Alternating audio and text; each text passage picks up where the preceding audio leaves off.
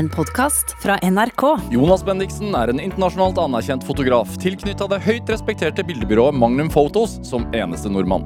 Bendiksen har mottatt en rekke priser for sitt arbeide, og har publisert bilder i bl.a. National Geographics, Vanity Fair og Newsweek. Hans siste prosjekt er en fotobok som problematiserer sannhet. Dette er Drivkraft med Vegard Larsen i NRK P2. Jonas Bendiksen, velkommen hit til Drivkraft.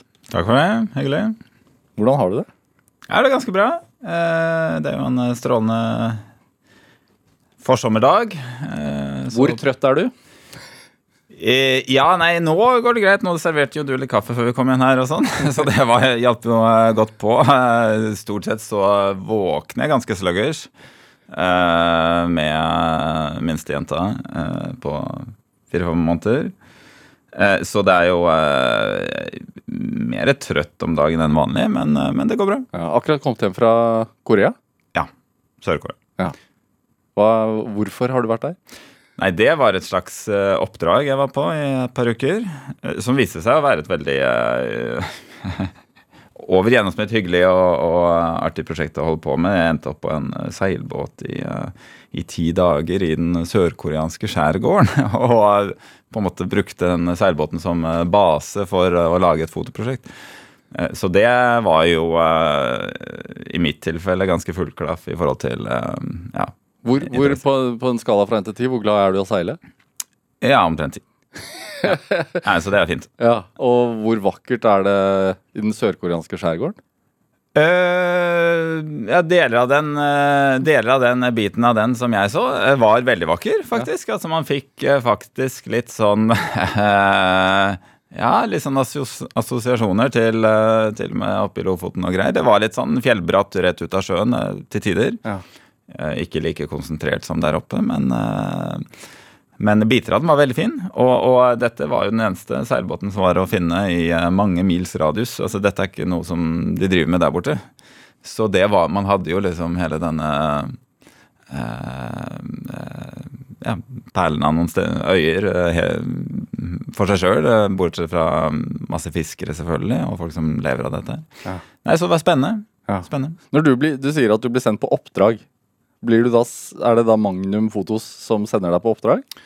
Ja, altså det var et oppdrag som kom gjennom Magnum. Ja. Det er jo sånn, Magnum er jo mange ting. Det er jo en slags eh, kreativ eh, familie, det er et arkiv, det er mange ting. Men det er jo også et agentur. ikke sant? Så veldig mange av de jobbene jeg gjør, kommer jo gjennom de. At det er noen som trenger eh, fotograf, enten her eller der, til å gjøre et eller annet eh, bestillingsverk. Så Enten en redaksjon, et magasin eller en institusjon, eller hva nå det er for noe. Som da går til Magnum for å, å finne noen som egner seg til dette. Da. Når hørte du første gang om Magnum?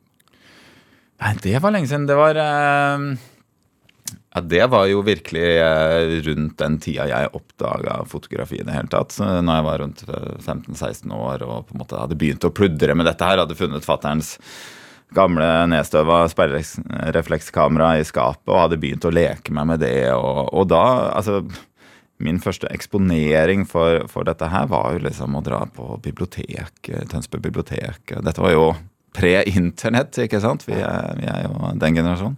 Så da var jeg nede på biblioteket og, og bla i, i fotomagasiner og finne fotobøker og sånn. Og mye av det aller første jeg fant, er på en måte ting som liksom slo meg litt som en knyttneve i magen. på en måte Det var en del av Magnum-fotografene av de gamle eh, gutta. Og, og, Hvem- Hvem var de gamle gutta? ja, det er sånn Joseph Kodelka, Leonard Freed På den tiden var Salgado uh, herja, og, og, det, var, det var eh, noen av disse. Som, som, som tenåring eh, Altså, det var veldig tidlig, dette slags dokumentariske blikket. Det, det, altså dette Altså fotografi som, som hvor fotografen er ute der og prøver å, å gå i dialog med en del av den virkelige verden, da, for å si det sånn, eh, og, og være en del av liksom, den samtalen der ute. Eh, Det var den biten som er så, tiltrakk meg med en gang, da.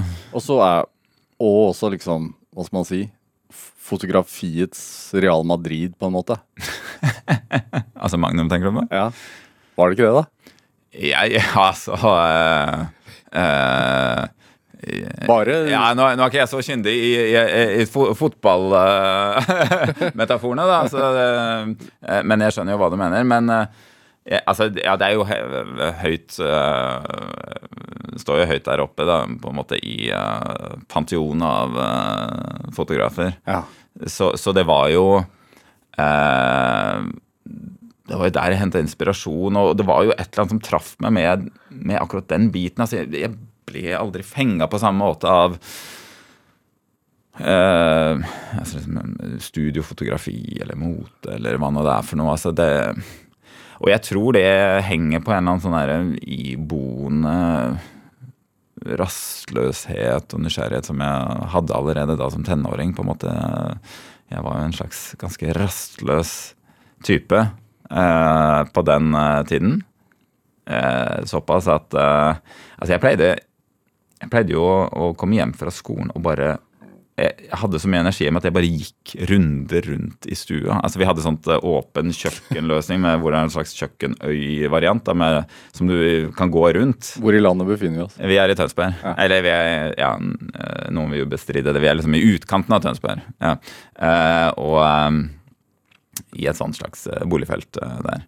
Eh, og, og, og, eh, og det var et slags spor i gulvet rundt denne kjøkkenet. Fordi jeg, jeg liksom altså, Det høres jo helt sjukt ut. Altså, hvis, jeg, hvis en av mine fire barn eh, ender med å liksom komme hjem fra skolen som tenåring og liksom bare gå runder rundt kjøkkenet, så tror jeg jeg hadde liksom blitt relativt bekymra. Ja. Ikke sant? Kanskje kontakta noen eller et eller annet sånt. Men, men det var Ja, for det var, det er ikke Sånn jeg altså, det var mange runder, da, tydeligvis. Ja, ja, altså vi snakker titusenvis av runder. Altså, det, det var, jeg, og det var bare for å liksom gå og tenke og få ut energi. Og liksom jeg gikk og, og brant inne med et eller annet. Og, og det var jo et eller annet med det å se dette Ja, det, det var et eller annet som tente meg med, med, med dette her med liksom å bruke fotografi til å komme seg ut der og, og, og få grave henda nedi materien og, og, bruke fotografi som en måte for å utforske alle- de spørsmålene man har. Hva tenkte du på da, når du gikk og gikk og gikk rundt kjøkkenøya? Ja, nei, altså det husker jo ikke akkurat Det var liksom alt og ingenting, på en måte. Liksom, det er jo liksom alt det som var, på en måte strømmer over det som en slags tsunami når du er tenåring. ikke sant? Ja. Av relasjoner og liksom å se verden med voksne øyne for første gang. og, og og eh, alt det der som koker i enhver tenåring, sikkert, det kokte i meg der, og jeg prosesserte det og holdt på. da. Men Jonas Benningsen, jeg har gjort litt research på deg. Foreldrene dine, hva jobbet de med? Eh, De var psykologer. Ja, som egentlig alle andre i min familie. Ja, ikke bare de, men altså onkler, tanter, fettere, kusiner, brødre. altså Alt mulig. Ja, men Ja, hva, hadde ikke de noe å si om dette? her? Ja. ja, ja, det kan du si. Men Nei, de lot meg holde på eh, mirakuløst nok, da. Som jeg er evig takknemlig for i dag. For jeg, jeg var nok en litt sånn rar, eh, rar eh, tenåring sånn sett. Men jeg har alltid opplevd at jeg fikk liksom bare være meg sjøl og holde på. altså. ja, har den rastløsheten Er den her fremdeles? Eh, ja, altså, ja og nei. Nå har jeg holdt på med akkurat dette her i liksom 25 år, viser det seg. da. Siden jeg var 19 har jeg jobba som fotograf eh, på dette viset.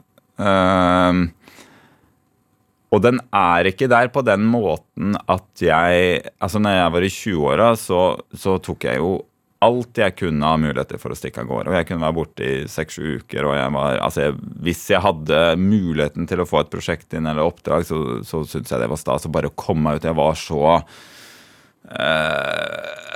Jeg hadde enorm appetitt for disse opplevelsene. Å, komme steder og oppleve og føle og kjenne den kraften, på en måte. Den er jo ikke der lenger.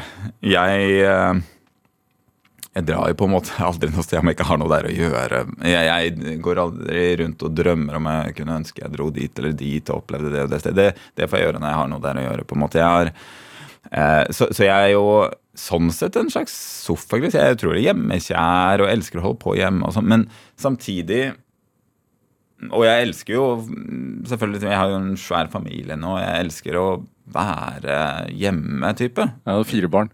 Ja, fire barn. Ja. Én er utflytta, men eh, men, men samtidig så, så har jeg en sånn rastløshet i meg fortsatt som, som jeg ikke klarer å bli kvitt. da. Og som eh, Som jeg på en måte tæres litt av, da, på en eller annen måte. Som jeg på, i hverdagen kjenner på og har en eller annen sånn slags kamp med hele tiden. Dette er Drivkraft med Vegard Larsen i NRK P2. Og i dag er eh, fotograf Jonas Bendiksen her hos meg i Drivkraft på NRK P2. Husk, vi snakket jo litt om Magnum Fotos, at du oppdaget det på biblioteket i tidlig alder. Var, husker du hvilke bilder som gjorde inntrykk av deg? Var det, noe, altså, var det ett spesielt, eller var det liksom Et som du har hatt med deg? Kanskje ikke et enkeltbilde, men det er liksom disse prosjektene, disse bøkene. Liksom. Og jeg, jeg er jo jeg, jeg, eh, Som for eksempel Eh, sånn som eh, 'Gypsies' av Josef Kodelka. Liksom et, et verk fra ja, på en måte, Dette er jo lenge siden. ikke sant? 60-tallet type. ikke sant? Hvorfor, det, hvorfor gjorde det inntrykk? Råskapen i bildene. Det er jo Alt var jo Altså, han var jo en uh, tsjekkoslovakisk slovakisk eh, fotograf. Sant, som jobba med mm, få midler. Eh, brukte gammel film eh, som han rulla ut sjøl. Altså, det er kornete, det er fælt. Det er liksom Det er teknisk veldig rått. ikke sant, Det er altfor mye kontrast. Det er alt det er liksom sånn sett feil med det, men det er en råskap og en intimitet i det som er liksom helt sånn uovertruffen. da, Som på en måte slo meg som en kule. fordi det var ikke perfekt. ikke sant, Det var ikke en del av dette slags glossy, perfekte fotografigreiene som man ser eh, også mye av. Men, eh, og spesielt i dag, selvfølgelig. Men, eh, men, men det, det, var, altså det var følelser mer enn en fakta, på en måte. Det var eh, eh, Jeg kunne kjenne det. Og det er jo liksom noe av det som er Hva er egentlig godt fotografi? Det er kanskje sant, Er det, er det, teknisk perfekte her, eller noe som er godt utført der? Eller, altså for meg har det alltid vært det som får meg til å kjenne noe, føle noe, liksom noe som griper meg. Og det var jo noen av de første opplevelsene jeg hadde av det. hvor disse det er jo rar ting. Sånn, disse todimensjonale bildene på en måte i svart-hvitt. mye Masse abstrakt. eh, Ganske abstrakt i forhold til realiteten. Da, hvor det liksom tok tak i meg og rista meg, på en måte. Var det det at han avbildet en virkelighet som var langt fra det du kjente fra før også, og hadde sett tidligere, eller? Ja, sikkert noe sånn at det framsto eksotisk også, selvfølgelig. For, altså, jeg var jo på den tida ikke sant? Er 15-16 år gammel og, og rastløs type. Og, og liksom, brant jo på en eller annen måte etter å oppdage verden og liksom se hva som er der ute. Så disse her fragmentene av disse andre måtene å leve på, og disse andre folka og disse andre stedene som altså, Det er jo en tid i livet hvor man oppdager alt for første gang. ikke sant? Det er det som er så fantastisk med de åra. Du, du, du oppdager noe for første gang. Du oppdager den musikken for første gang i, i platekolleksjonen til fattern, eller, eh, eller eh, liksom du, du åpner en bok og får en sånn opplevelse for første gang. Det er jo ikke så ofte man gjør det i min alder. Og, og, og, og da blir det jo ekstremt sterkt, ikke sant? Er det, kan du bli påvirket av noen bilder eller få den samme følelsen i dag? Eh, ja, der ligger jo uh, noe av problemet, ikke sant? Som, som uh, vi fotografer baler litt med. Og Eller liksom hele kulturen vår baler med. Altså, dette er jo liksom hvordan funker dette i, i slags det medielandskapet vi er i nå, som, som på en måte vi, vi graver oss enda med, stadig vekk lenger ned? Hvor, hvor, hvor, altså jeg vokste jo opp fortsatt i den verden hvor eh, man fortsatt liksom eller, du kan si, Problemet var at man hadde for lite informasjon. ikke sant? Man hadde man, eh, ja, man måtte på biblioteket for å finne ut noe. Det var en mangelvare. ikke sant, sånne ting, Og, og sammen med fotografi. liksom, Hvordan ser det egentlig ut, og åssen er det? Det var ikke så mange fotografer der ute som var, og det var vanskelig teknisk å få til. Nå er vi jo i denne verden hvor, hvor vi har jo ikke det problemet av uh, for lite informasjon. Vi har for mye informasjon. Du, er ikke, du, høres jo veldig gammel ut nå, men du er ikke det? eh, jo, jo, men altså Vi eldes jo fort eh, i dette med det landskapet, da, på en måte. Så det er jo sånn Eh, nå sliter vi jo med at vi klarer ikke å sortere all informasjon. Det, vi klarer ikke å sortere alle bildeinntrykkene. Vi klarer ikke å sortere alt dette her. Det, det kommer for mye. Eh, klarer man å produsere slags fotografiske ikoner i dag? Ja. Alle de fotografiske ikonene de er jo gamle, ikke sant? Fra mm, sånn i, i den klassiske fotografiforståelsen, liksom. Så, så har, alle kjenner jo bildene fra Vietnamkrigen. ikke sant? Vi kjenner alle bildene fra ja, 50-, 40-, 50-, 60-tallet. Så fins det jo hauger av ikoniske bilder. Hva, hva, hvor er ikonene fra i dag? Nevn ett. Ikke sant? Det er på en måte, De forsvinner i strømmen. Det er noen, da. Noen få, men, men det, er, det, er, vanskeligere og vanskeligere å få noe til å flytte i overflaten. Da. Og kanskje vanskeligere og vanskeligere å gripe tak i noen, få den til å stoppe opp gjennom bare bruk av et fotografi. Da, og, og, få noen til å virkelig stoppe opp og føle noe og dvele ved det. Altså det, dette er en, Jeg sier ikke at det er umulig, men dette er jo siden du spurte, dette er jo liksom en av de problemstillingene som gjør gjør det krevende, da.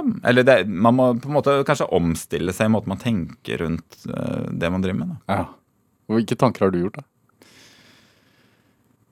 Nei, uh, jeg uh, Altså, det er jo veldig lenge siden jeg slutta å tenke på egentlig det jeg driver med som å produsere bilder, egentlig.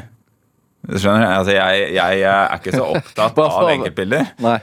eh, nei, men altså, jeg, jeg, jeg det, det, er jo lenge siden jeg på en måte kom til den erkjennelsen at dette funker jo ikke. Hva er poenget med å hive ti bilder opp til oppå dette en monstrøst voksende berget av bilder som strømmer over, over oss hver dag?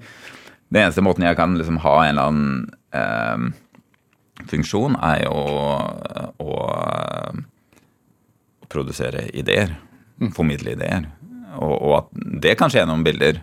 Eh, og det, altså formidle spørsmål, formidle tanker, formidle eh, ja, en eller annen slags Eh, bruke fotografi til å utforske de spørsmålene jeg har om, om, om, om, ting og tang som jeg lurer på, og tenker at det kan være noe man kan diskutere. Det kan jeg bruke fotografi til. Som oppstår når du går rundt uh, Ja, nå, jeg går, går rundt så mye rundt kjøkkenet nå lenger. Jeg har for øvrig ikke et sånn kjøkken der jeg kan gå rundt. så, så, det er ikke så mye av det. Jeg har ikke tid til det. Altså, nå er det jo alle disse Jeg har jo så mange barn og, og, og så mye annet å holde på med, så, så jeg, jeg går ikke hvileløst rundt i stua lenger. Men et av prosjektene dine Uh, som du har gjort de siste årene, og, jo uh, bøker, altså fotoboken som handler om mennesker rundt i verden som, som mener at de er den nye Messias. Ja. Når kom den ideen? Ja, Den har ligget og, og, og venta på å komme ut nesten siden jeg var uh, liten. Altså, for det, dette handler jo om alt jeg lurer på rundt tro og, og, og religion og Altså, jeg er jo ikke vokst opp i et uh, religiøst hjem, men, men, jeg har jo alltid vært fascinert av tro og, og religion og hvordan det er å tro, hvordan det er å se verden med de brillene på. Og selvfølgelig troen og religionens plass i samfunnet jo, og i historien er jo monumental. ikke sant? Og jeg har jo alltid hatt et slags veldig kritisk blikk på de tinga. Hva snakket dere om hjemme hos dere, da? Hvis ikke det var tro? Eller var det, kriti var det en kritisk eh... Jeg vil ikke si at vi ikke snakka om det, men det, det, var ikke et troende hjem. Nei. Det var et gudløst hjem. Men, eh, men, eh, disse tingene er jo alltid er noe som jeg opplevde at vi var fra et slags samtalende hjem. da, At, at det var eh, prat om, om, tingene rundt oss. og, og eh, Altså jeg kom, Pappa var jo norsk, uh, mamma amerikansk. Jeg kom fra en slags jødisk bakgrunn fra New York. Hennes foreldre igjen fra type Stetlen i uh, Øst-Europa, altså i Ukraina, Hviterussland og deretter Russland. så, så det, ja, familien var jo også en sammensetning av forskjellige kulturer, på en måte, så dette ga jo grobunn til mye sånn prat rundt disse tingene. Så, men men det var liksom, jeg hadde jo venner som var uh, kristne, f.eks., og, og, og skjønte jo fra tidlig alder at de så jo på universet litt annerledes enn meg, og, og det fascinerte meg alltid. Så selv om jeg begynte fotograferingen av, uh, av uh, Det siste testamentet, som, som denne boka heter, heter ja.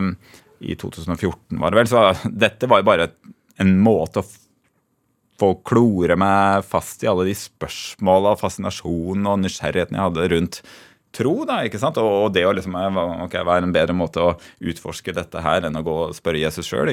Og, og dette var jo muligheten til å gå og høre det rett fra kilden, da, hvordan dette hang sammen. Ja. Og hvordan disse tankegodsene på en måte eh, slår seg ut. Det ble en dokumentarserie av dette her også på NRK, men, men hvor, hvor reiste du da? Nei, da var det, det var syv steder rundt i verden. da. Ja. Det var eh, eh, Brasil, Sør-Afrika, eh, Zambia, Russland, Japan, Filippinene øh, England. Ja. Eh, altså Det prosjektet handler jo om disse syv mennene som hevder de er Jesus' gjenkomst eh, på jorden, men, men det handler jo egentlig om om religion som helhet. Det handler jo om, om etablert religion. Liksom. Hvor, hva er det med disse Hva er det egentlig med, med, med påstandene til disse syv mennene som, og teologien deres, da, for å si det sånn, som per definisjon er noe, noe rarere eller noe mer mindre plausibel enn en, en hva som predikes i enhver kirke på søndagen her i Oslo. Så det, det er jo på en måte til syvende og sist det det handler om. Det er å utforske liksom, troens mekanisme og Og følgerne like interessante?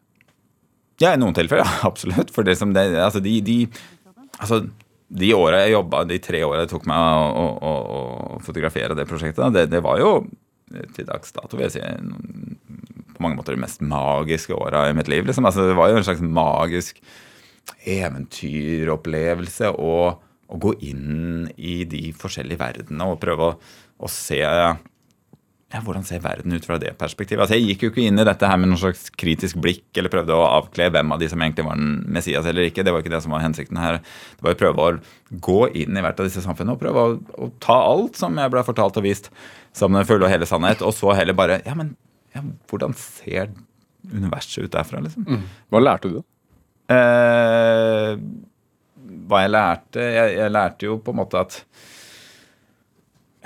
jeg end, altså Før dette her så var jo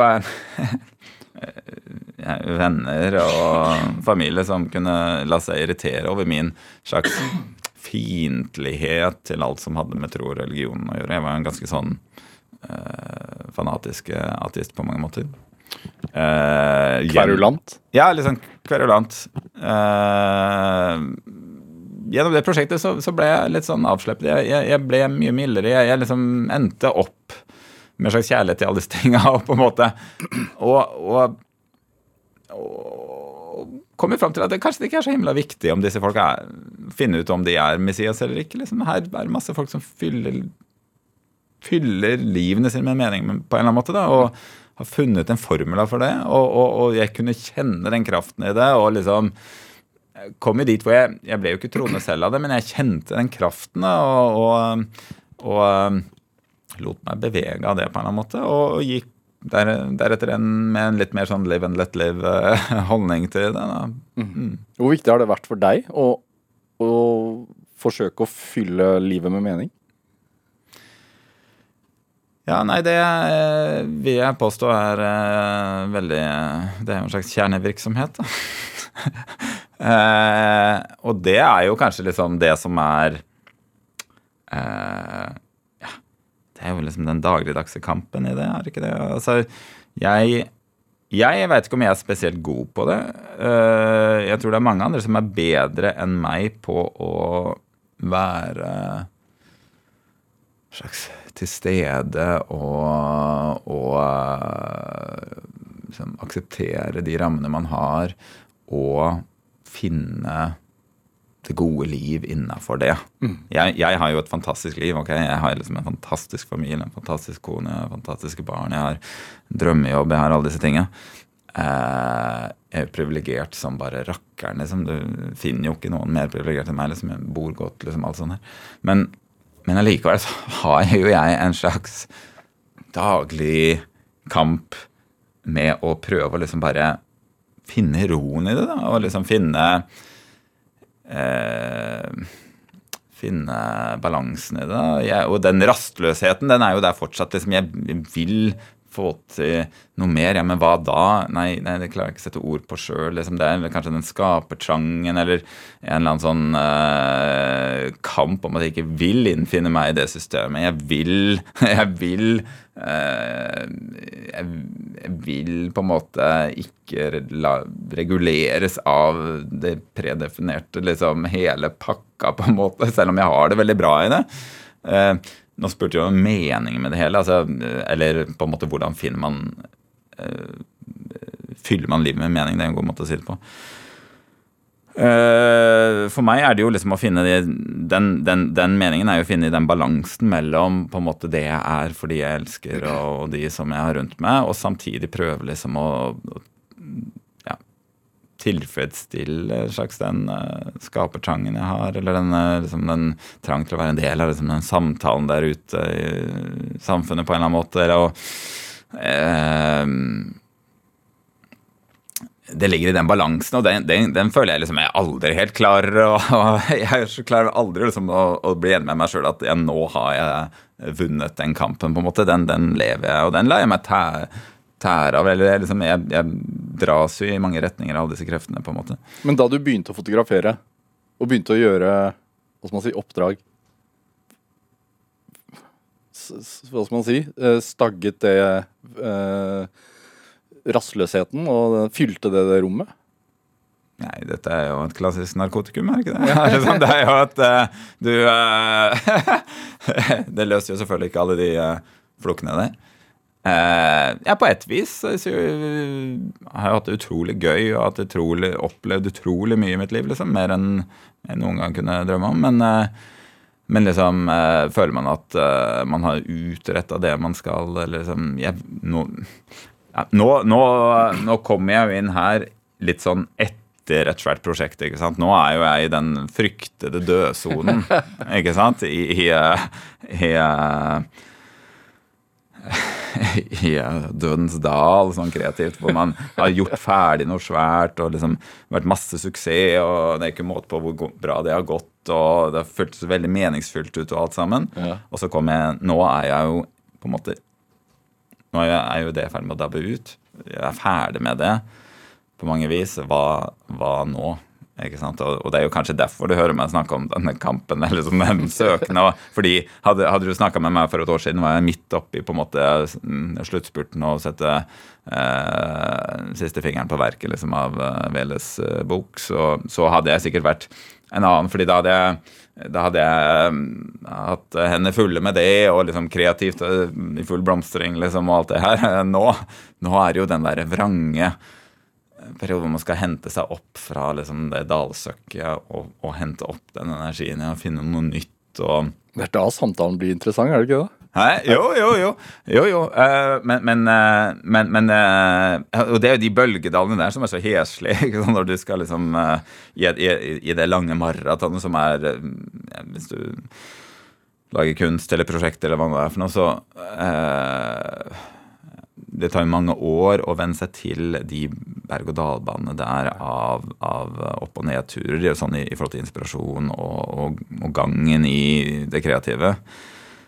Og det er jo liksom da man blir proff, tenker jeg, når man veit mer eller mindre hva som skal til for å hente seg opp av de uh, dype dalsøkene og liksom få, få, fart i sakene igjen. Ja. Da, uh, da, da, begynner man å bli erfaren. Liksom. Og jeg veit jo at jeg Hva gjør man da for å komme seg opp? Ja, ja, nei, det er jo det, ikke sant. Nei, det er jo liksom å prøve å, å, å null Altså, man må inn igjen Altså, jeg, jeg, jeg, har jo egentlig ikke noe svært apparat rundt meg. bortsett fra, altså, Vi snakka med Magnum. og sånn, det, det, er jo selvfølgelig en slags et kreativt hjem, og, og det er mye business gjennom det. Men, men, til syvende og sist så er jo jeg en slags enmanns idéfabrikk.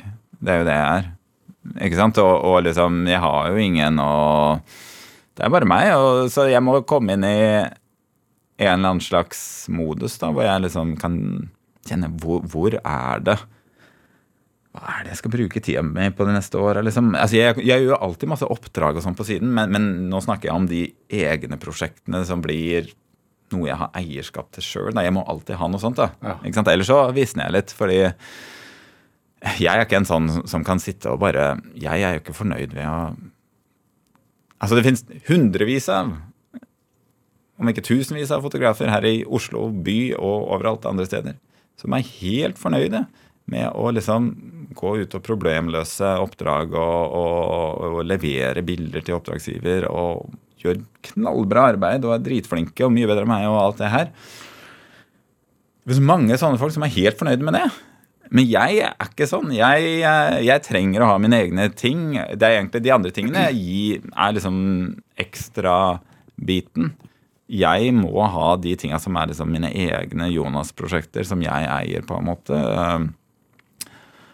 Eh, da er jeg glad. Eller det er vel sånn vi snakker om fylle livet med mening. Jeg, fin, altså jeg kan være god til å lage besvare oppdrag liksom, og levere fra meg. Det er jeg god på, den greia. Men, men det er ikke det som mater uh, uh, sjela mi, sånn sett. Hvis vi skal gå inn i sånt. Da. Men, uh, så, så, det er det å finne komme inn, inn, i en sånn sinnstilstand hvor man kan stille seg åpen nok til å, å faktisk tørre å, å, finne ut av hva den neste tingen er. Altså, for, og, og liksom Gunnar veit hva det blir. altså det Forrige gang jeg satt i, i dette heslige stedet hvor jeg prøver å finne ut hva jeg skal gjøre neste, så kom jeg plutselig altså Og hvor kom dette fra? Dette med, som ble til slutt The Book of Veles, da, mitt ja. siste prosjekt. som, altså Hvis noen hadde fortalt meg for fire år siden at jeg skulle i prinsippet liksom i flere år livnære meg av å lage datagenererte bjørnefigurer. altså data, dataspillbjørner, og putte det inn i bildene mine. Uh, så ville jeg jo sagt at det var klin kokos. Og Jonas Benningsen, det må vi prate mer om, men, men før det så syns jeg vi skal spille litt Bach. Ja, eh, det syns jeg alltid er en god ting.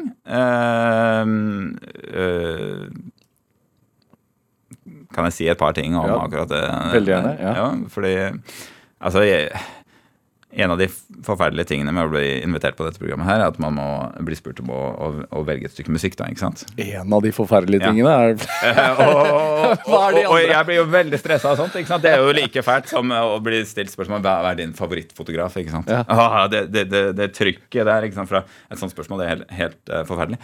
Uh, og, jeg har jo egentlig veldig Jeg elsker musikk. ikke sant? Jeg... Uh, jeg eh, har jo ganske bred sånn musikksmak, egentlig. Jeg elsker jo alt fra uh, altså I løpet av én dag kan jeg høre på alt fra liksom, Metallica til uh, Karpe til uh, Cornelis Vreeswijk til uh, noe folkemusikk til James Blake uh, osv. Hva, hva, skal jeg, hva skal jeg velge? Altså, så, så, jeg kom, kom, til en konklusjon at her må man ned til det elementære.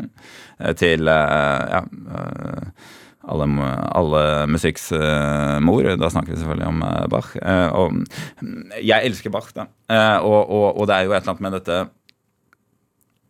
Er det en sånn objektivt monumental med det, da. Ikke sant? Det er, det er liksom, for meg jeg har Bach både følelser, men det er også liksom dette byggverket av harmoni som er liksom slags matematisk perfekt. Altså fuger og temaer og ting som går i hverandre. Og det er jo en slags symmetri og en, og en slags, slags guddommelig eh, perfekthet i det som jeg, jeg bare syns er jeg blir grepet av det år etter år etter år. Og går liksom hvert år så har jeg en eller annen periode hvor jeg liksom nesten bare hører på Bach. Um, jeg veit jeg ikke er aleine om det.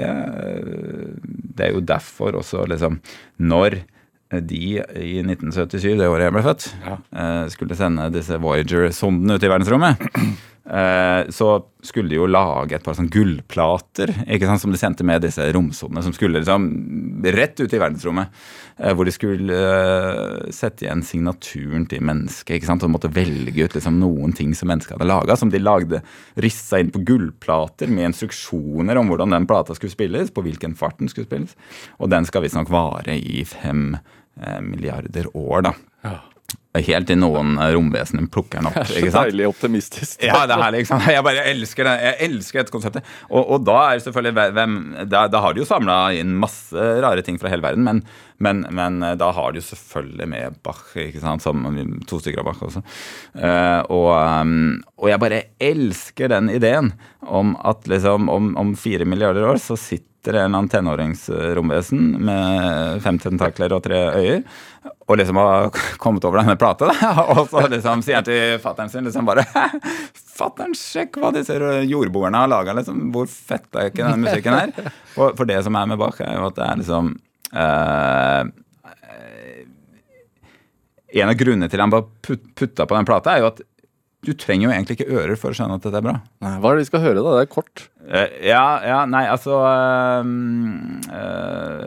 Ja, dette er preludiet i C-moll fra den første veltempererte klaverboka. Dette for meg er jo barndomsminner òg, fordi altså, jeg vokste jo opp med bestemor som var ganske habil pianist. Og hun satt og tralla disse stykkene. Altså, jeg har jo hennes veltempererte klaverbøker hjemme også.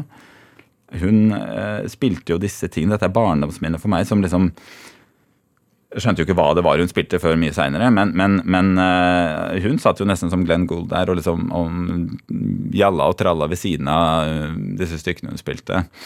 Uh, og jeg har jo hennes, jeg spiller jo litt sjøl, så jeg sliter meg gjennom å plage naboer og, og, familie med mine varianter av disse samme stykkene.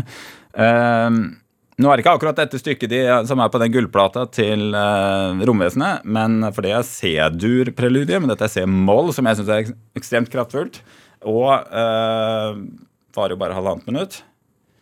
Skal vi høre, eller? Ja, vi må høre på det.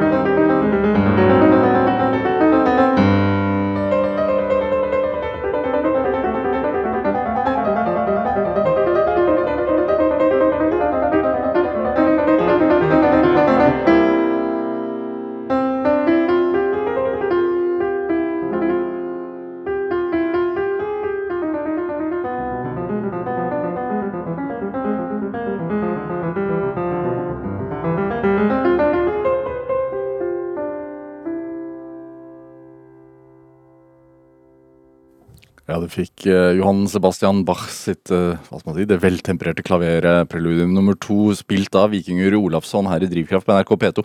Valgt av dagens gjest her i Drivkraft, nemlig fotograf Jonas Bendiksen. Du har spilt uh, klaver i, eller piano eller ja, i Jaga sist? Ja da, i hine hårde dager. Ja. I, I, slutten av Eller gjennom hele videregående, liksom. Før jeg flytta fra Tønsberg. Så. Hvorfor ikke musikerkarriere? ja, nei, det er Eh, er jo heldigvis blitt eh, spart for. Eh, nei, det er vel kanskje ikke der mine talenter lå. Men jeg spiller jo fortsatt. Til tider spiller jeg hver dag et eller annet. Men Gjerne sliter meg gjennom da disse veltempererte klaverheftene til min bestemor. da. Ja, De enkleste stykkene? Ja, ja, det er jo kanskje 20% av det som jeg har noe sjans på i det hele tatt. Men eh, Men tidlig uttrykksbehov, da? Og ja, formidlingsbehov? Ja, det er vel kanskje noe sånt. Ja, og, ja. og det er jo eller, eller, eller, så er det også en sånn slags eh, Jeg, har jo en sånn, jeg er jo en fikler. Jeg liker å fikle med ting. Ja.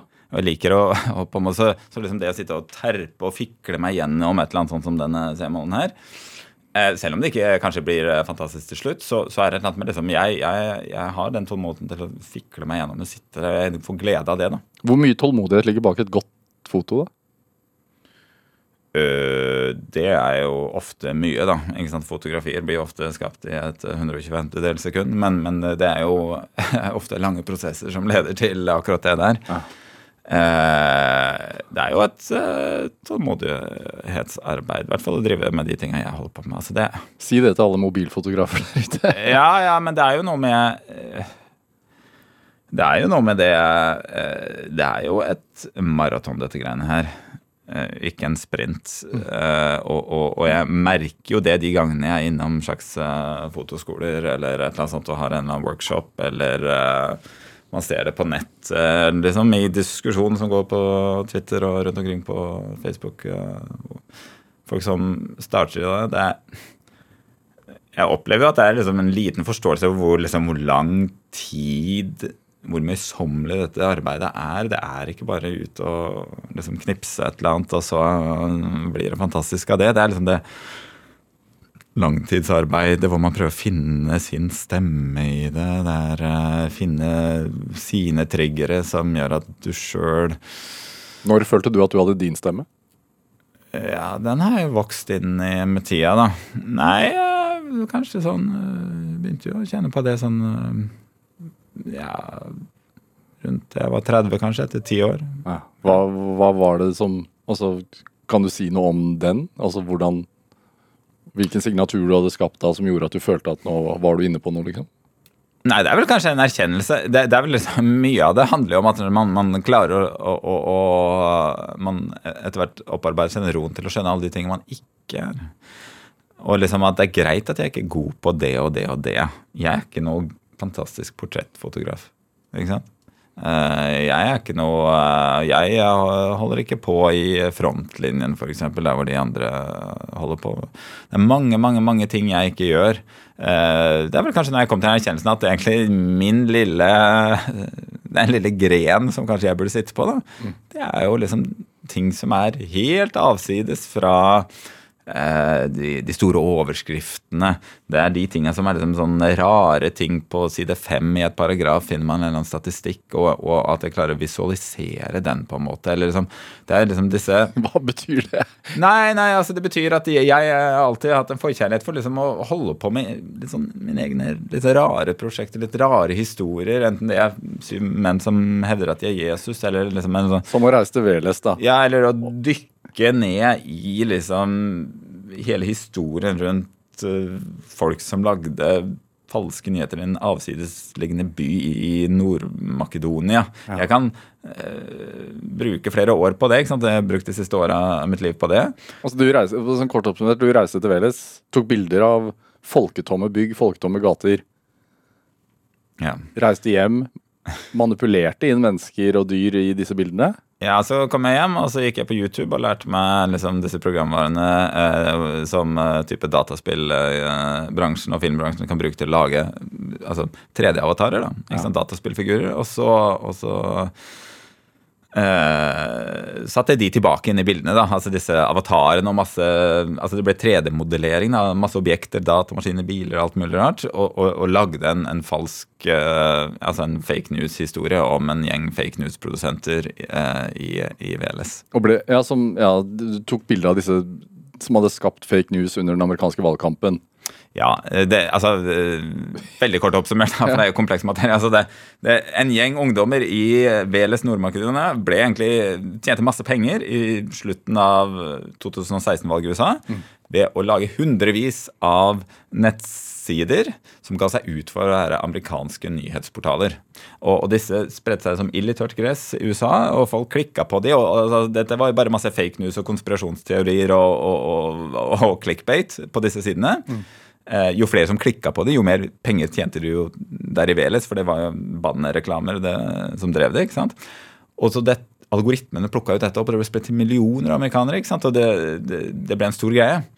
Eh, på et tidspunkt var de da på en måte fake news-episenteret her i verden. Og, eh, og, kan jo ha hatt innvirkning på valget i USA, for alt vi vet. Eh, så, så, så det handler om på en måte informasjonshacking. da, mm. altså Folk som klarte å hacke på en måte den uh, veldig sårbare informasjonsflyten vi har nå, som er drevet av virale sosiale medier og liksom uh, 0,1 sekunds betenkningstid før vi deler ting på nett. ikke sant, og alle disse tingene, Så det handler jo om det. Og så, og så etter jeg begynte researchen inn i dette, her, så kom det jo masse andre rare lag inn i denne historien her. med, med Det viste seg jo at Veles var også navnet på en en av de eh, mektigste eh, gudene i det slags eh, førkristelige slaviske gudepanteonet. Eh, og han var en slags lokaktig lurendreier. Som liksom drev, og han var jo eh, guden for kaos og lureri og magi og disse tingene. Eh, og så var det jo en historie om, om, noe som het The Book of Veles, det samme som boka mi endte opp med å hete, som var faktisk en, en, en oldtidstekst om denne guden og det slaviske historie. da. Uh, I type, faktisk Ukraina og, og, Russland og tidlig Russstaten Mm. Uh, som het Bokoveles men som, og som har på en måte spredt seg og leses en dag i dag rundt omkring. Men, men, som viste seg også å være en forfalskning da, som ble laget på 1920-tallet av to, to lurendreiere der. Så det er liksom mange, lag på lag på lag med slags falske nyheter og, og fake news og alt sånt her. Som du syns er gøy? Ja, ja, det er jo liksom uh, sånn, Ta som inspirasjon uh, Bach sine fugler. Da. Det er liksom, sånn, når disse historiene flettes i hverandre og gjentas på forskjellig vis, og det blir et slags motiv som går igjen og igjen. Sånn kan jeg synes er gøy, da. Men fotografiene dine ja. ble jo uh, i starten i hvert fall hyllet som ekte fotografier. Ja da, og all teksten i det prosjektet, all teksten i boka, var jo også det. Folk syntes jo det var veldig spennende å lese mine Eh, min reportasje derfra og mine opplevelser der i VLS og min, eh, der jeg navigerte meg gjennom denne fake news-verden. Eh, nå var det jo sånn at også all den teksten var jo faktisk skrevet av kunstig intelligens. Altså skrevet av et dataprogram? Ja, ja jeg, jeg, hadde jo ikke skrevet ordet ord av det sjøl. Jeg hadde bare mata dataprogrammet med, med, med andre eh, reportasjer fra VLS og lærte opp datamaskinen til å skrive automatisk da, dette greiene sjøl. Eh, så dette prosjektet fløyt rundt der ute i verden rundt et halvt år da, som et uh, legitimt dokumentarprosjekt som folk på en måte syntes var veldig flott. Grua du deg til å avsløre det? Ja, ja så akkurat den Det er jo nå omtrent et år siden. altså liksom dette her eh, var på sitt drøyeste. Det er sommeren 21. Eh, altså Jeg trodde jo at dette prosjektet kom til å bli avslørt i løpet av noen uker. Det var jo egentlig planen. At, at liksom folk skulle Boka kom i salg, jeg begynte å dele det på sosiale medier. Og så skulle da, i løpet av noen uker, kanskje folk begynne å bli mistenksomme. Og så ble det kanskje en debatt da, da skulle jeg delta i den debatten og så videre, og så videre, om falske nyheter osv. Jeg hadde jo egentlig aldri regnet med at det skulle bare gå og gå og gå. Det var ingen kritiske røster da. ikke sant? Så, så, så uh... Ble du overraska over hvor hva skal man si, lite kritisk man er i forhold til hva som blir presentert? Ja, det er jo akkurat det. Så, så, det tok meg på senga. Så da endte jeg jo opp med sommeren 21, altså for et år siden, så, så gikk jeg jo rundt med vondt i magen store deler av tiden. Fordi jeg liksom begynte å grue meg. For liksom, altså, hva skjer når sannheten faktisk kommer? For dette er gått altfor langt. Ja. Og åssen skal jeg komme meg ut av det? ikke sant? Og, måtte, og fotofestivaler og sånn som du respekterte, anerkjente dette her som Ja, dette ble jo til slutt vist på det som faktisk er verdens, altså, verdens største slags fotojournalistikk journalistikkfestival i Perpignan i Frankrike, hvor de, de type velger ut eh, det de syns er det flotteste av eh, årets eh, fotojournalistikk. Og de valgte ut dette her som en eh, reell reportasje. Og det, og det, var jo på en måte etter det hvor jeg satte i gang maskineriet med å prøve å avsløre meg sjøl, men det viste seg jo ikke å være så lett heller. Folk ville jo ikke tro først at dette her var eh, en forfalskning. Så jeg måtte jo egentlig kjempe motstrøms for å, for å liksom få sannheten ut. Så det, det, ble mange forviklinger. Det ble en liten slags uh, komedie ut av det òg. Men det viser jo, altså selv om det var uh, artige greier, så, så, uh, så, så, er det jo en kjerne av noe veldig bekymringsverdig, dette her. Hva er liksom grunnen til at du gjorde dette? Ja, nei, Det er jo rett og slett for å belyse liksom hvor hvor fort den teknologiske utviklinga går på det her, og hvor hvor snart vi rett og slett kommer til å bli ekstremt forvirra. Altså, vi kommer til å gå inn i et slags medielandskap hvor vi må bruke ekstreme mengder krefter og energi og penger og tid på å prøve å dekode. Hva er reelt, hva er fakta, hva er nyheter, hva er falske nyheter, hva er en gang skrevet av mennesker versus hva er skrevet av maskiner. Er dette et fotografi, eller er dette, er dette noe datagenerert? Altså, Greia er at når jeg gjorde dette her, for bare et år siden, så tenkte jeg jo at dette var fortsatt en slags framtidsvisjon. Mm. Men teknologien for dette her har gått så fort at uh, altså alt dette jeg holdt på med, er jo kjempeutdaterte greier. Ingen snakker om disse tingene lenger. Nå har det jo kommet prototyper på programmer både fra Google og fra noe som heter OpenAI, hvor du rett og slett kan taste inn i vanlig tekst. Altså Du trenger ikke noen slags Photoshop-menyer, ingen tekniske innsikter heller. Du kan taste inn et fotografi av to gubber som sitter i et radiostudio på NRK og prater i mikrofoner. Og så lager den automatisk 20 varianter av akkurat det bildet som du ikke klarer å se. Eh, ikke er et fotografi tatt med kamera. Nei. Det er den verden vi er i ferd med å labbe inn i. Eh, altså, og tenk hva det gjør med, med, med, med nyhetsbilder, med eh, altså, falske sosiale medieprofiler. Eh, hvordan skal vi klare å sortere i dette her? Det kommer til å bli krevende. Men hvorfor er dette her noe en nyhetsfotograf, reportasjefotograf sysler med? Nei, for jeg ser jo på en måte hva det Hvordan dette kommer til å velte om på de tingene jeg har brukt livet mitt på å produsere. da, Ikke sant? Eh, og man ser jo det der ute allerede. liksom, Hva gjør dette med troverdighet? Hva gjør dette med hvordan vi forteller historier? Samtidig så er jo det interessant sånn at teknologien i seg sjøl blir jo et speil som vi må holde opp mot oss sjøl og på en måte bruke til å finne våre egne sårbarheter og kanskje feller vi sjøl har gått i. Da. Jeg, når jeg lagde da disse falske bildene til The Book of Veles, så ble det jo også en slags øvelse i å gå ut av meg sjøl og med fugleperspektiv se ned på meg sjøl og liksom avsløre alle mine egne klisjeer. og liksom, Jeg måtte jo på en måte gå der og, og, og, og finne ut liksom, ja, hvordan ville Jonas lage et klassisk Jonas Bendiksen-klisjébilde ut av dette. Hva ville, han vil, hva, hva ville han ønske å ha sett for noe? Hvordan ville det sett ut? Hva er byggeblokkene i, i hans eh, måte å se verden på? Og generelt slags den fotojournalistiske måten å se ting på eh, på generell basis. Da. Det ble, ble jo på en måte å og, og, og, dykke inn i det. Og, og, man blir jo man, man kan jo la seg sjokkere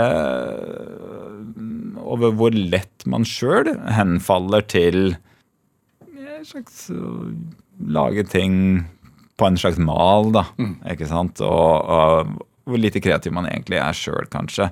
Hvor, hvor standardisert blikk man sjøl har på ting. Ja. Og, så, så, den teknologien kan jo også hjelpe en sjøl til å avsløre sine egne feilbarligheter. Da, men, men, maler det da også inn i et hjørne? Ja, ja. Så det, der har du jo kanskje, hvis vi går tilbake til liksom, den der dype dalen, den dalen jeg sitter i nå, eh, hvor jeg skal prøve å finne ut eh, ja, hva i all videste verden skal jeg gjøre herifra, den dalen er kanskje hakket dypere denne gangen. Fordi jeg kan jo ikke gå tilbake og fortsette med akkurat det jeg har gjort før. Altså, nå har jeg jo paro parodiert meg sjøl på en måte ganske drøyt. da Jeg har laga et helt fotoprosjekt over flere år her. En hel fotobok som egentlig er en avsløring og en parodi på mitt eget min egen karriere. Altså mine egne siste 25 år ja. av denne geskjeften. Jeg parodierer det jo og, og, og, og, får jo en distanse til det. Så det betyr jo at kan jeg nå gå tilbake til liksom, å bare fortsette å lage liksom, fine National Geographic-lignende fotoreportasjer om ting? Altså, jeg, jeg, kan jo, men liksom vil jeg? Uh, gir det noe mening? Uh, eller uh, eller ligger det noe der ute som er noe helt annet, som blir på en måte det neste ting jeg kan liksom bare kaste meg inn i med stor glød og, og, og, la det dominere liksom hele kreative livet mitt en, en liten stund? Merker det nå at det blir spor i parketten hjemme? Ja, ja sånn eh, metaforisk sett så er det mange spor i parketten. Ja, ja. Men er det er det mer liksom galleriet, eller hva, hva, hva er, hvor er fotografi på vei, liksom? Det er et stort spørsmål, men Ja, det rare er jo at fotografiet har jo på noen sett eh, eh, det kan sammenlignes med Hva var det jeg leste en gang? Jeg leste en heslig bok en gang om liksom kyllingindustrien. da ikke sant? Kylling, eh, industriell kyllingproduksjon. da. Og, og, og, der sto det en sånn slående setning hvor det sto liksom eh, Industriell kyllingproduksjon eh, har vært veldig kjip for den individuelle kylling, men eh, veldig bra for kylling som art.